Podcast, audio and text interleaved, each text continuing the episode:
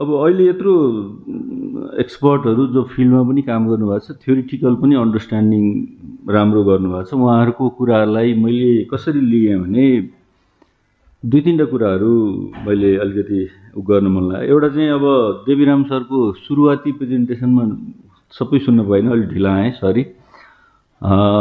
उहाँले दुईवटा महत्त्वपूर्ण कुरा के गरिदिनु भएको छ भनेदेखि टेरोरिस्टको मात्रै कुरा गर्नु उहाँले कज र कन्सिक्वेन्सेसको कुरा गर्नुभएको छ। मलाई लाग्छ त्यो पनि डिस्कसन हुनुपर्छ होला जस्तो लाग्छ। उहाँले के भनिदिनु भएको छ भने कसरी टेरोरिस्टहरू भइरहेका छन् भनेर उदाहरण दिँदै जाँदाखेरि बदलाको भावना भन्ने टर्म प्रयोग गर्नुभएको छ।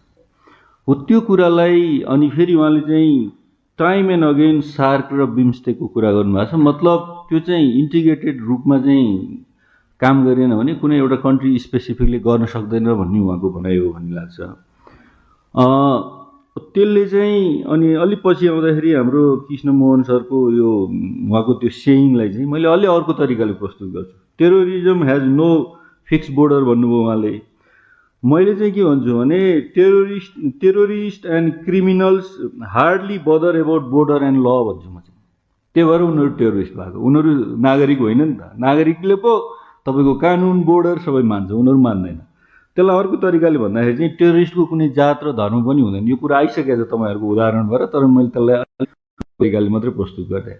उदाहरण आयो तपाईँको यहाँ जस्तो अब साउथ एसियाकै कुरामा गर्ने हो भने के अरे उता म्यानमारदेखि श्रीलङ्कासम्मको र कहिलेकाहीँ इन्डियाको पनि कुरा गर्दाखेरि हामीले कुनै धर्म स्पेसिफिकलाई मात्रै इन्डिकेट गरेर टेरोरिस्टको परिभाषा गर्न सक्दैनौँ भनेर यहाँहरूको उदाहरणले भनिसकेको छ। त्यही भएर कमसेकम पब्लिक फोरमहरूमा कुनै एउटा धार्मिक समुदायलाई मात्रै इन्डिकेट गरियो भने फेरि त्यसले चाहिँ ऐ देवीराम सरले भने जस्तो चाहिँ फेरि यो बदलाएको भावनाले हामीलाई आफैलाई नै खान्छ कि भन्ने कुरा चाहिँ मलाई महत्त्वपूर्ण लाग्छ। डेमोक्रेसीको अल्टरनेटिभ मोर डेमोक्रेसी भन्नुभयो तर सँगसँगै फेरि अलिकति मलाई अलिकति यहाँलाई सबमिट गर्न मन लाग्यो एउटा हो चाहिँ अब अहिले पछिल्लो चरणमा हाम्रा सुरुदेखिकै हेर्नुहुन्छ भने डेमोक्रेसीको उसमा चाहिँ हामी कमसेकम मलाई लाग्ने चाहिँ प्रोग्रेस प्रोग्रेसतिर नै गइरहेका छौँ जस्तो लाग्छ। कुनै बेला राजाले दिएको संविधानलाई मानेर आएका मान्छेहरू कुनै बेला कुनै चारजना व्यक्तिले बनाइदिएको संविधानलाई मानेर आएकाहरू पछिल्लो संविधान चाहिँ तपाईँ र मैले भोट हालेको संविधान भन्छु। एक फेर पनि होइन दुई फेर। तपाईँ र मैले मानेको इलेक्सन सिस्टम अन्तर्गत भोट हालेका प्रतिनिधिले बनाएको कुरालाई अरू कसैकोले बनाइदिए भनेर भन्यो भने चाहिँ तपाईँ मैले चाहिँ आफैले आफैलाई आत्मग्लानीमा लान्छु।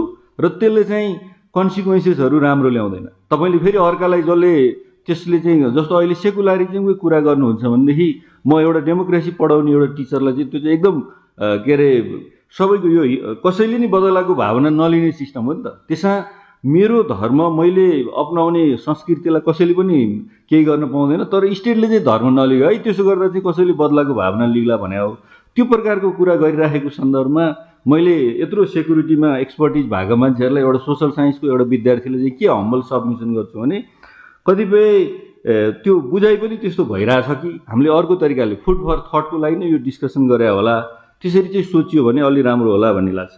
र सँगसँगै मलाई अब फाइनल मेरो कमेन्ट चाहिँ यहाँहरूको प्रस्तुतिकै सन्दर्भमा चाहिँ किन भन्दा म सुन्न आएको थिएँ भनिरहेको छु अब जस्तो धेरैमा हामीले खुल्ला बोर्डर र सेक्युरिटीको कुरामा आयो त्यो चाहिँ त्यहाँनिर चाहिँ हाम्रो सेक्युरिटी सेक्टरको बुझाइ र सोसल साइन्टिस्टको बुझाइ चाहिँ अलिक फरक छ कि जस्तो लाग्छ मलाई। अब उदाहरणै त्यसमा दिनुहुन्छ भनेदेखि कस्तो देखिन्छ भनेदेखि कहिलेकाहीँ जस्तो हामीले उदाहरण दियौँ नि अहिले टेरोरिजमको अमेरिकाको आज जुन इभेन्टको सन्दर्भ गरिरहेछौँ नाइन इलेभेन सिक्सटिनको के अरे इलेभेन इलेभेन ट्वेन्टी सिक्सको त्यो भने अमेरिका जस्तो देशमा भइरहेछ कि ओपन बोर्डर थियो त अमेरिकामा। अमेरिका जस्तो टाइट सेक्युरिटी भएको कुनै देश छ त त्यतातिर नि हेरौँ है ओपन बोर्डरसँग मात्रै जोड्दाखेरि कतै हामी फ्लजमा त पुग्दैनौँ अर्को भारतकै कुरा गरौँ न।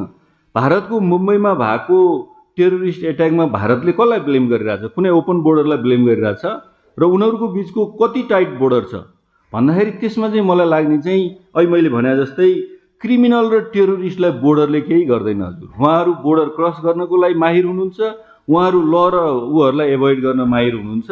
यही बिचमा ज चाहिँ अनि फाइनल्ली चाहिँ हामीले अहिले देवीराम सरले उठाउनु भएको कुरामा जोड्दाखेरि चाहिँ कसरी बनाउने त? जस्तो सार्क किन असफल भयो भन्दा सार्क असफल हुनुको मेजर कारण के हो भनेदेखि यही बोर्डरको कुरा हो। जब मैले तपाईँको घर भिजिट गर्न पाउँदिनँ भने अथवा तपाईँ मेरो घरमा आउनुहुन्न आउन सक्नुहुन्न त्यहाँ विभिन्न बेरिगेटर छ भने मेरो मित्रता त्यति टिक्ने मित्रता हुँदैन। त्यही भएर रिजनलिजमको कन्सेप्ट कहाँनिर टिका छ भने तपाईँले बोर्डरहरू ओपन गर्नुभएको छ पब्लिक पिपुल र गुड्सको चाहिँ एक्सेसमा इजिनेस ल्याइदिनु भएको छ भने त्यो रिजनल फोरमहरू टिकिरहेछन्।